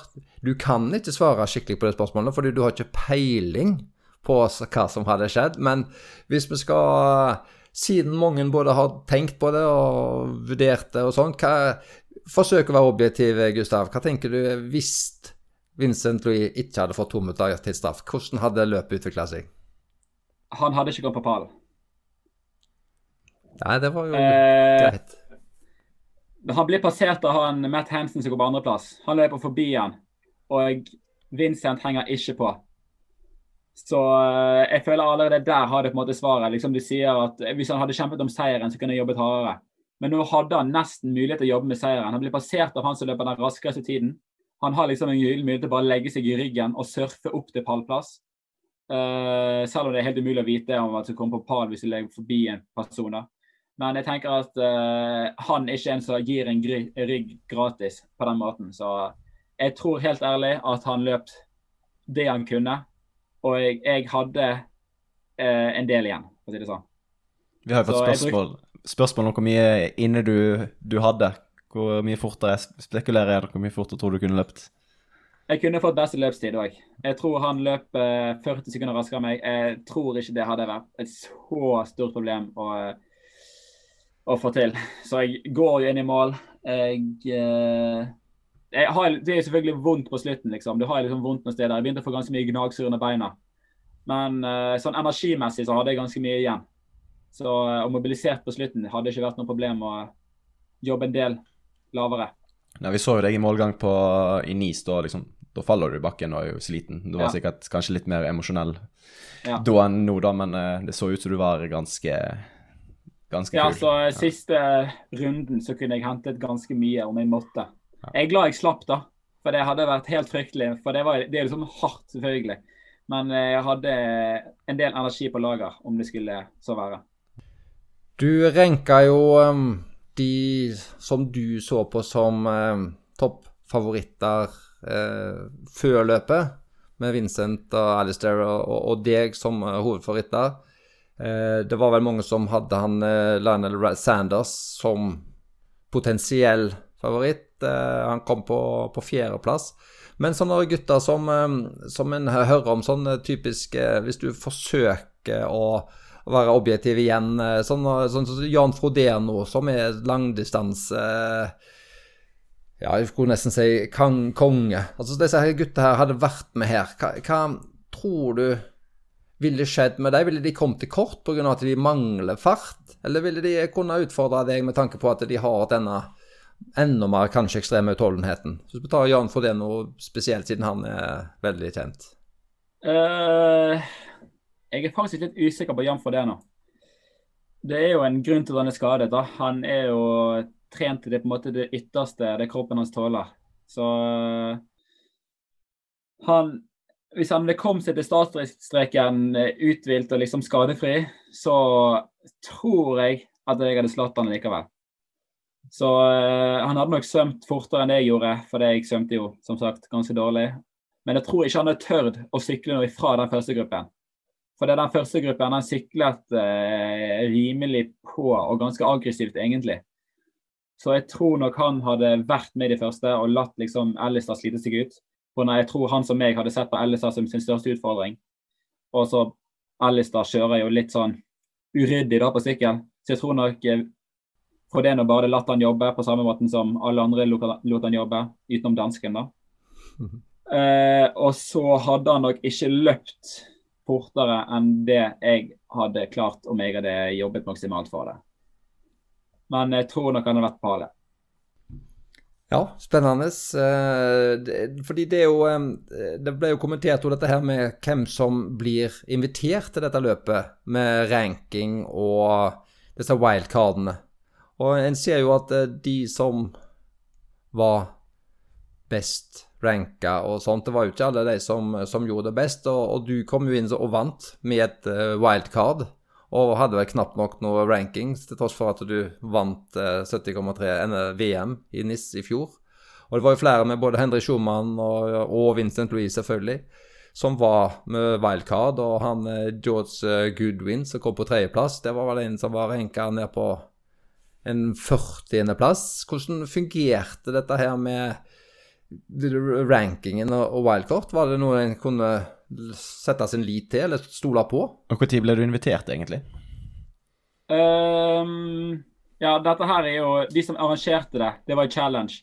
Men de som tok ut utøverne, det var PTO, som er en ny utøverorganisasjon. Som står for Professional Triathlete Organization. Og de prøver å ta over som på en måte en fagforening for triatleter. Og deres ranking er basert på langdistanseløp. Dvs. Si løp som de liksom har definert på forhånd. Så det er 70,3 på eh, og heldistanse på Ironman og på Challenge og noen andre få utvalgte løp. Så det er der rankinga kommer fra. Og det må minimum tre løp. Så eh, selv om jeg vant uh, NIS i fjor, så har jeg ikke minimum tre løpene innenfor PTO-organisasjonen. Og derfor har jeg ikke ranking. Uh, og det er PTO som da tar ut utøverne, som tar ut wildcarden i tillegg. Um, hvis det gir mening. Og det er for PTO òg som kom med den ekstreme pengepremien òg. Uh, så de har fått en, uh, en, rik amerikaner til å putte inn masse penger for å få liksom PTO i gang. Og så er målet til PTO det å ta over sånn som Wimbledon har gjort for tennis. da. For Før var ikke tennis noe stort forhold til pengemarkedet, og sånne ting, mens nå tjener jo de som kommer med til Wimbledon, ekstreme summer. Så målet deres er å bygge opp noe lignende, der de har eh, noen få løp i året der absolutt alle de største triatlonstjernene stiller for å få samlet gjengen. For sånn som det er på Ironman nå, så har de ekstremt mange proffløp. Så alle proffene blir bare spredt om vinden utenom på Hawaii, der liksom proffene kommer igjen. Så PTO de vil liksom arrangere noen færre løp der alle stjernene stiller, sånn det blir mer spektakulær TV-seing. Ja, det er jo uh det er jo litt som eh, Det er jo litt uh, kjekk for publikummene. fordi det er noe som du sier at på Ironman så, så er det så mange løp at eh, alle de som går de beste, eller veldig mange proffer, kan få lov til å vinne sin gang. Ja. Fordi du planlegger hvor du, du stiller. På Instagram så er alle sammen Ironman champion, selv om de kommer sist i, i Daytona f.eks. Så det er nok Det er ikke for mange Ironman-løp, men det er for mange Eh, på en måte ordentlig proffløp. Ja. ja. Så det PTO vil, det er å samle proffene rundt en organisasjon og virkelig samle det. Også sånn som de gjør i Daytona, og ha pengepremiene som går helt ned. For selvfølgelig, hvis du vet at du kommer på fjerdeplass, og det er ikke pengepremie til fjerdeplass, så kjører du heller et annet sted der du kan vinne. Selv om det er mindre ære og mindre alt mulig, så vet du liksom hvorfor pengepremier. Så PTO vil ha høyere premiepenger til vinnerne men mye dypere pengepremier òg. Sånn at nesten alle som fullfører proffklassen på de og de løpene, får pengepremier. Sånn at du ikke blir skremt vekk fra å konkurrere på det høyeste nivået. Sånn at du vet liksom at alle som fullførte Daytona, fikk 2500 dollar. Mm. Og det er liksom, eh, Da er ikke de redd for å stille og prøve. Men hvis du vet at du kan bare stille Daytona, og du ikke rekker å restituere deg nok til en annen konkurranse, da dropper du selvfølgelig Daytona hvis du ikke får pengepremier. Hvis du er liksom en Ironman-triatlet som så vidt klarer å leve på, liksom, på premiepengene. Så ut som det gikk nesten litt mot sin hensikt når folk eh, er skadet og velger å gå i mål, da. Men uh, ja. ja. akkurat den så jeg nok de at uh, den ble litt feil. Så um, Men uh, jeg tror at Konseptet vil nok utvikle seg at, ganske mye. At konseptet vil utvikle seg, ja. Og at de får liksom pengepremier for å prøve å, å, få stille opp, da. Så ja. Men jeg, jeg, jeg synes det er veldig bra. For sånn som World Series, det er jo ekstremt nivå der. Det er liksom eh, Det å komme topp ti i verdensserieløp er et sinnssykt høyt nivå. Det er, jeg tror det er vanskelig liksom, å sammenligne det med Ironman, for det er helt ekstremt. Mens det å vinne en tilfeldig Ironman, det kunne nesten Mikael klart. Det, det, var jo litt morsomt på, på Slow Twitch, der eh, det er jo diskutert om du er en langdistanseutøver eller kortdistanseutøver. og der var noen som argumenterte for at du var langdistanseutøver, siden du hadde jo gjort det mye bedre langdistanse enn kortdistanse, for du har jo bare topp ti eh, i kortdistanse i VTS. Og det er jo kjempe, ja. kjempedårlig. ja. ja jeg, lest, jeg, er ganske mye på Slow Twitch og leser, så får jeg med meg det meste. Men uh, jeg vil 100% karakterisere meg som en kortdistanseutøver. Selv om kanskje talentet mitt ligger liksom et mellomsted, så er jeg 100% kortdistanse likevel. Ja, Du har jo vært uheldig år med mange sprintløp og ikke så mye olympisk? Ja, ja så satser på at uh, verden, eller World Triathlon, som de nå heter, får skjerpe seg til neste år og putte inn olympiske distanser òg. Men i forhold til sesongen som eh, kommer nå, hva, eh, hvordan ser planen ut i forhold til eh, litt reise? og Du har jo ymtet frem på noen andre podkaster at du har, har, planer på slutten av sesongen òg med litt langdistanse. Eh, ja, så det er jo fortsatt litt usikkerhet med tanke på reisekarantener og hva land som har innreiseforbud og sånne ting. Men eh, vi har egentlig tenkt å kjøre en copy-paste av fjorårets sesong, eller årets Plan. sesong. På planen. Eh, med å kjøre først treningsleir i Portugal, så treningsleir i Thailand med varme, og så konkurranse i Abu Dhabi. Så høydeleir, så Bermuda, så høydeleir, så andre konkurranser. Og så reise til Japan eh, tidlig og konkurrere i OL, som da blir helt klart det største målet neste år. Og så etter OL så har jeg egentlig sagt at eh, alle mine forberedelser går mot eh, Ironman Hawaii. Oh, så det er profffeltet på kona du vil kjøre? Ja. Så jeg er ikke noe age-grouper nå lenger. Så nå kjører jeg all in mot, uh, mot å vinne kona. Eller jeg vet det, det blir ekstremt vanskelig å vinne første året, og det har jeg liksom innsett sjøl òg. Men uh, det er jo for selvfølgelig det som er målet når jeg stiller opp der. Hva tenker du om dine egne sjanser i, i OL, egentlig? Uh, jeg tror mine sjanser er ganske de er ikke veldig gode, men jeg føler at det er ganske bra. På grunn av, uh, hvis du bare ser på test-event, f.eks., selv om det ikke er helt representativt siden alle de store utøverne ikke var med der. Og liksom det manglet, det manglet faktisk ganske mange utøvere. Så kommer jeg på fjerdeplass der, uh, i noe jeg vil karakterisere som uh, dårlig generell form. Jeg hadde slitt ganske mye på høydetreningen i forkant. var sliten, ikke særlig mye trøkk på trening. Men allikevel så kommer jeg på fjerdeplass. Og det er mest pga. at jeg klarer å få en sinnssykt bra spesifikk varmetrening inn mot konkurransen. Som gjør at uh, nå, nå, tar dere bilder der borte. Dere gjør meg selfie. litt selfie. Men uh, jeg klarer liksom å gjøre en ekstremt bra spesifikk varmeforberedende inn mot løpet. Så selv på en dårlig generell form så klarer jeg å prestere en fjerdeplass. Ja, så Mine sjanser i Tokyo det vil jeg si er ganske greie. Hvis jeg har bare enda bedre generell form og like bra varmespesifikk trening inn mot konkurransen, så kan det gå veldig bra.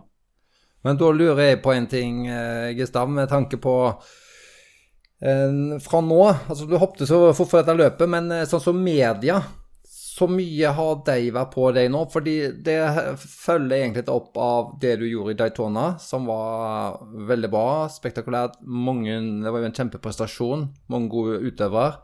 Så, og i tida etterpå så, så mye trøkk har det f.eks.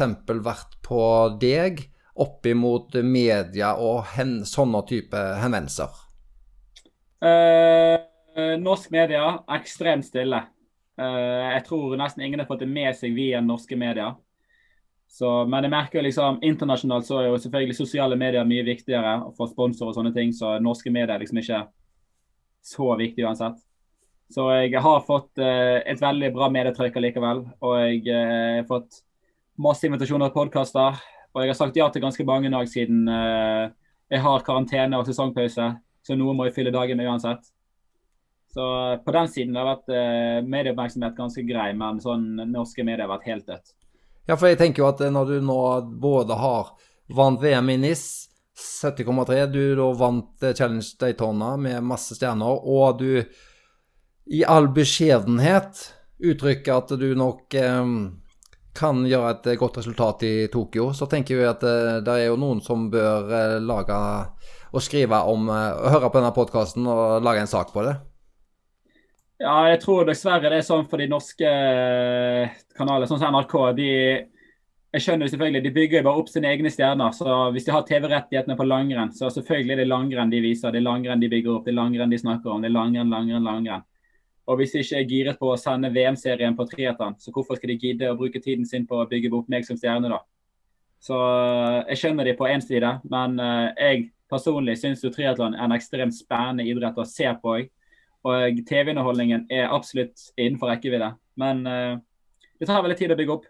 Men TV 2 har vel antyda de skulle vel gå inn i, i år på verdensserien og, og, følge det, så før det ble amputert gjennom uh, covid-19? Ja. Så ja, ting blir bedre og bedre. pågangen Altså, det var en som spurte hva skal du gjøre med 100 000 dollar? Eh, det kan du få lov å svare på, men jeg har lyst til å stille spørsmålet videre. Sånn en type vinnerskalle som du eh, helt klart er, Gustav. Så mye betyr egentlig pengepremier for deg oppimot gleden av å vinne? Så det spørsmålet, så mye betyr det for en vinnerskalle med penger? Og så neste spørsmål blir hva skal du gjøre med 100 000 dollar, som jeg fikk spørsmål om eh, på Instagrammen vår? Uh, ja, det er ganske vanskelig å beskrive liksom, hvor mye ting føler for andre. Sånt. Hva, hvor mye hvor forelsket er det? sant? Det, liksom, det kan ikke svare i, skal svare i prosenter, men det betyr eh, ekstremt mye. Jeg kan kanskje sette ord på det med å si at eh, det betyr mer å vinne enn det pengepremiene viser. Så eh, tenk hvor glad du hadde blitt hvis du hadde fått 100 000 eh, dollar, og så sier du 50% på toppen av det. Cirka sånn føles det når du knuser resten. Gustav sånn, Hvis du tar the marshmallow test, så jeg hadde jo spist den marshmallowen med en gang. Men Gustav hadde jo ventet bare og ventet og ventet og ventet. Og helst bare for å slå de andre. Ikke fordi han uh, skulle spise den sjøl, men bare ja, god på å utsette, utsette gleden og vinne. Og så eh, Spørsmål to var hva jeg skal bruke pengene på. Det er vel uh, skatt, da. Først må jeg skatte ut uh, ut av USA, tror jeg. Så det er noen sånne regler der. Så vi skatter først til Trumps regjering. Og så må jeg skatte til Erna sin regjering. Så det forsvinner litt i skatt. Jeg har ingenting imot å betale skatt til Norge, men det er litt bittert at noen pengepremier forsvinner eh, rett til NRA der borte. Men når du nå er blitt så god, altså trenger du penger for å utvikle deg som utøver, eller er du begynt å tenke på voksenlivet med hus og hjem og, og sånt? Er det, sånn, det er vel En idrettskarriere er jo kanskje ikke så lang. Du må vel tenke framover med investering? Uh, ja, så uh, pengene går nok uh, mot bolig, så jeg må bare finne riktig sted. Så jeg er veldig glad i å bo her jeg bor nå, i Ytre Arna. Men jeg føler liksom at vi skal kjøpe et hus, og det er sånn litt rart å kjøpe hus her, for her er det bare barnefamilier og eldre folk som bor. Så det er ingen ungdommer som kjøper seg et hus der. Uh, men jeg må se litt rundt om i Bergen hvor det er fint å bo, for jeg vil absolutt fortsette å bo her. Du har ikke vurdert Spania, altså? Jeg har jo vurdert Spania, men jeg føler egentlig ikke at det er helt det jeg vil. Uh, jeg er veldig glad i Norge, så du fyrte opp Kristian eh, i en uh, liten uh, P2 hadde en liten sending, og der fyrte du han opp. Der du stakk litt igjen og syntes egentlig at han burde stille. Uh, og har han hatt noen kommentar på det? Har, har han tatt litt igjen? Fordi det var ikke nok med at du var litt cocky, men så gikk du jo filming av stedet og vant hele dritten nå. Har han gitt noen tilbakemelding? Uh, jeg mente egentlig ikke at han skulle stille. Det var bare noe sånn uh, Instagram-opplegg. Jeg trodde ikke det var godt nok til å poste engang, så jeg bare drev og tullet meg med han kameramannen. Så jeg bare sa ja, Christian burde stille, han er skadet, men ja, han burde stille. Så det var bare tull alt sammen. Så når jeg så at det ble postet, så ble jeg egentlig litt flau. uh, men han har ikke gjort med tilbakemelding. Han skjønte jo sjøl at det bare var tull alt sammen. Men eh, er det, eh, hva har vært tilbakemeldingene fra de som kjenner deg best sånn eh, rundt, rundt, laget, rundt landslaget, med både trenere og, og støtteapparat? Hva, hva, har vært gjennomgangsmelodien, og hva har de sagt til deg?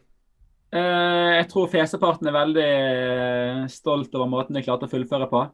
Jeg vet at de som så på, de var litt nervøse på mine vegne underveis på syklingen, og de var usikre på om jeg klarte å gjennomføre dette her. Men når de så at jeg eh, faktisk klarte å kjøre smart og fullføre, så tror jeg de ble ganske stolt over at, eh, at vi er et bra landslag som eh, ikke bare hodeløse konkurranseutøvere, men klarer å tenke og, og er ekstremt bra trente hele gjengen. Så det er på en måte de som trener samme treningsopplegg med meg. De blir jo eh, ekstra selvsikre på at uh, treningsopplegget funker for de òg. Det er ikke sånn at det bare at det passer til meg, det passer til alle på landslaget. Men eh, det var tilbakemeldinger fra konkurrenter. Der var du noe Har du vært mye i kontakt med de konkurrentene etterpå? Gir de noen tilbakemelding? Er det noen som vil trene med dere, stille spørsmål om hvordan dere trener, eller er det hemmeligheter eh, der? Nei, jeg, har, jeg snakker med ganske mange ute vel etterpå. Det var litt morsomt med Alistair. På grunn av, du skulle tro at han var ganske forbanna etter en sånn at han er skadet og sånne ting. Men akkurat når jeg snakket med han, så var det var ganske morsomt. På grunn av, etter Valencia så måtte jo Christian bryte pga. Eh, leggproblemer. Og da kom Alice litt sånn hoverende bort og sa ja ja, du begynner å bli gammel du òg. Og så uh, møtte jeg på han i Atletes-loungen etter uh, Daytona, og så sa han liksom bare ja, det var kanskje litt tidlig av meg å begynne å le av Christian, for nå har akkurat samme kjent som meg. Så han så ironien i det på egen hånd, så jeg slapp å påpeke det for ham. Og han syntes det var, det var litt morsomt. At han var, så, var liksom frekk i kjeften mot eh, Christian, så skjedde akkurat samme mot han. Så han var ikke så bitter akkurat etter konkurransen, men eh, ja. Jeg hørte òg at han var ekstremt full på kvelden, så.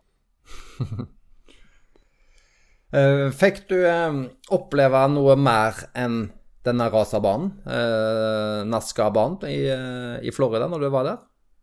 Uh, ingenting spennende. Litt sånn amerikansk mat. Men uh, ingenting spennende. Så jeg holdt meg til hotellrommet og, og banen. Jeg hadde jo egentlig lyst til å spørre deg om um, den, den, det dameløpet som var, om du hadde fikk med deg noe av det, men det var kanskje bare i forkant. For du, du sa vel at du lå på et gulv med beina ja, høyt på en stol og spiste Nutella. Ja. Så det var jo ekstremt trist å se at uh, Lise måtte begynne å gå. Men jeg, jeg snakket med på forhånd, og jeg visste liksom at sjansen for at hun ikke skulle klare å fullføre, var ganske stor. For hun hadde store leggproblemer. Så jeg snakket med på forhånd, og taktikken hennes var egentlig bare å sykle hardt og så se hvordan leggen var. Men det er utrolig trist allikevel å se at hun måtte begynne å gå. Men en veldig verdig vinner. Paula Finley, ekstremt sterk. Vil du si at hun gjorde en bedre prestasjon enn det du gjorde? Uh, hun gjorde en mer overraskende prestasjon enn meg. Så det at hun klarer å løpe såpass bra etter den syklingen, på en sykling der hun ikke sitter Spør det meg, så aerodynamisk. Hun kunne nok jobbet litt mer med posisjonen sin. Og hun taper nok en del vatt med det. Det sa hun sjøl òg. Uh, eh, og det at hun klarer å backe opp den harde syklingen med såpass sterk grønn uh, løp, det, det imponerte. Jeg, sånn, jeg var sånn usikker. Sitter hun dårlig, eller sitter hun ikke dårlig? For hvis du ser hun forfra i forhold til Lisa, så var hun egentlig Altså, avtrykket er egentlig ikke så stort. Så, Nei, men det er ganske mye mindre enn Lisa òg. Ja, det er akkurat det. sant? Så det er jo sånn, det er ikke sikkert at hun er så uaerodynamisk. Men det som jeg syns var en liksom morsom greie, var jo at uh, hun sitter jo på en eh, speed-konsept som uh, sikkert ble lansert tilbake i 2011-2012, og din uh, Giant Trinity er jo en sykkel som er det er jo på en måte en eldre design som kanskje er tre-fire år gammel. Og at jeg går rundt og slår disse nye Canyon og, eh, og Scott sykler med skivebremser som, kom, eh, som ikke er kommet ut ennå, viser jo bare at eh, jeg vet ikke helt hva sykkelbransjen holder helt på med. da. Ellers er det bare at eh, rå kraft er det som vinner. Uh, ja, jeg tror nok uh, dessverre så er markedsføring ekstremt viktig. Og jo raskere en sykkel ser ut, jo mer vil den selge. Uh, og min sykkel ser ikke sånn Han ser ikke banebrytende ut, men den har et veldig enkelt design som er lett å jobbe med, liksom. Og uh, Bare lett En lett, fin sykkel, liksom en klassisk design. Så jeg, uh, jeg er veldig fornøyd med min sykkel. Etter. Du ser jo mange, mange briter som kjører tempo, og australienere ja, kjører jo den modellen som du har. Utenom gaffel er jo UCI-loven i tillegg.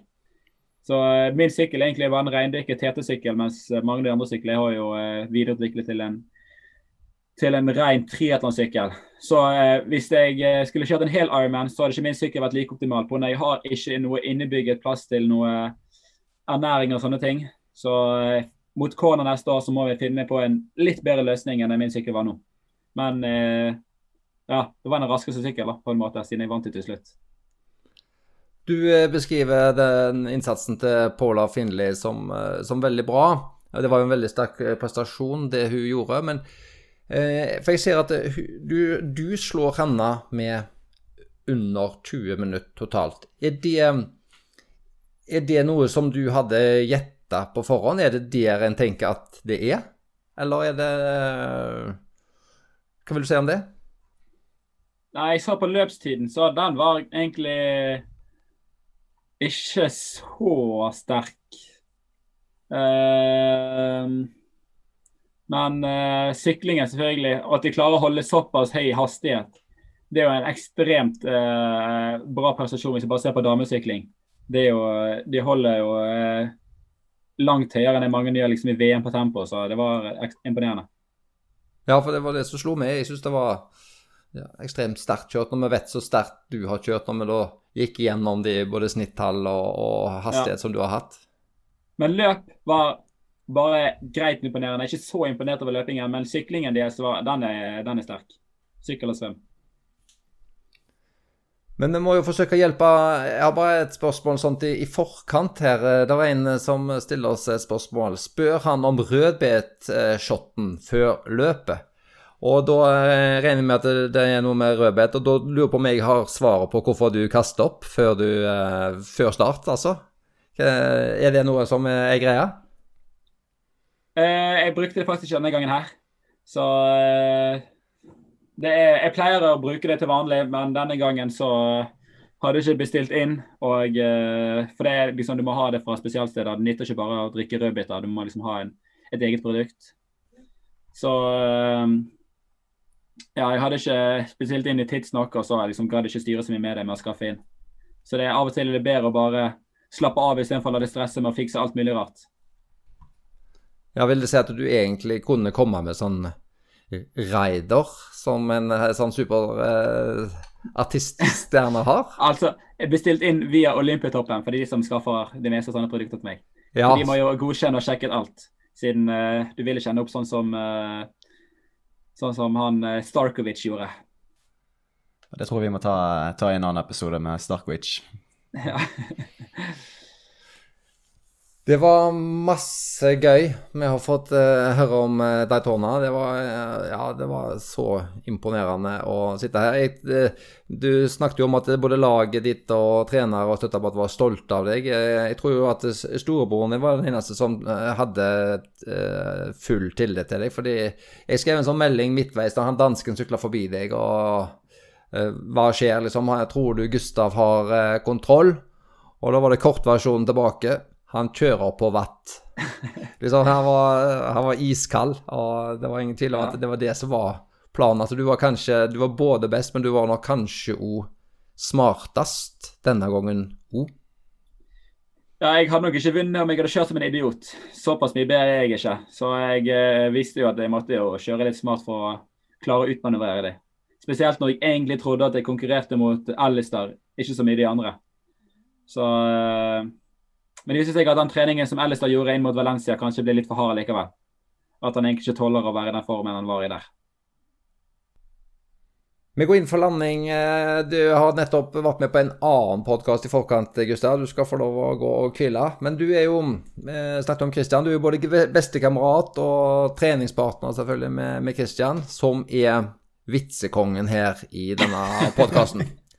Vi klarte oh, nei, i episoden oh, med Hans Christian eh, Tungesvik, som var der han klarte å utfordre Christian med Han dro faktisk en ganske brukbar eh, vits opp av, eh, opp av ermet.